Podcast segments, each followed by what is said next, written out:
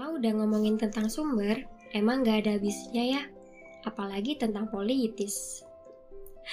Ya, karena memang semua negara pasti mempunyai kesepakatan, baik itu secara historis, sosiologis, maupun juga politis. Sama halnya dengan pendidikan kewarganegaraan di Indonesia ini. Iya, dia lahir karena tuntutan konstitusi atau undang-undang. Sejumlah kebijakan pemerintah pun berkuasa sesuai dengan masyarakatnya.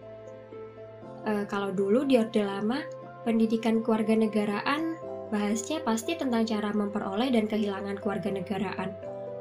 Namun, pada saat Indonesia memasuki era baru, atau lebih sering disebut Orde Baru sih, terjadi beberapa perubahan loh.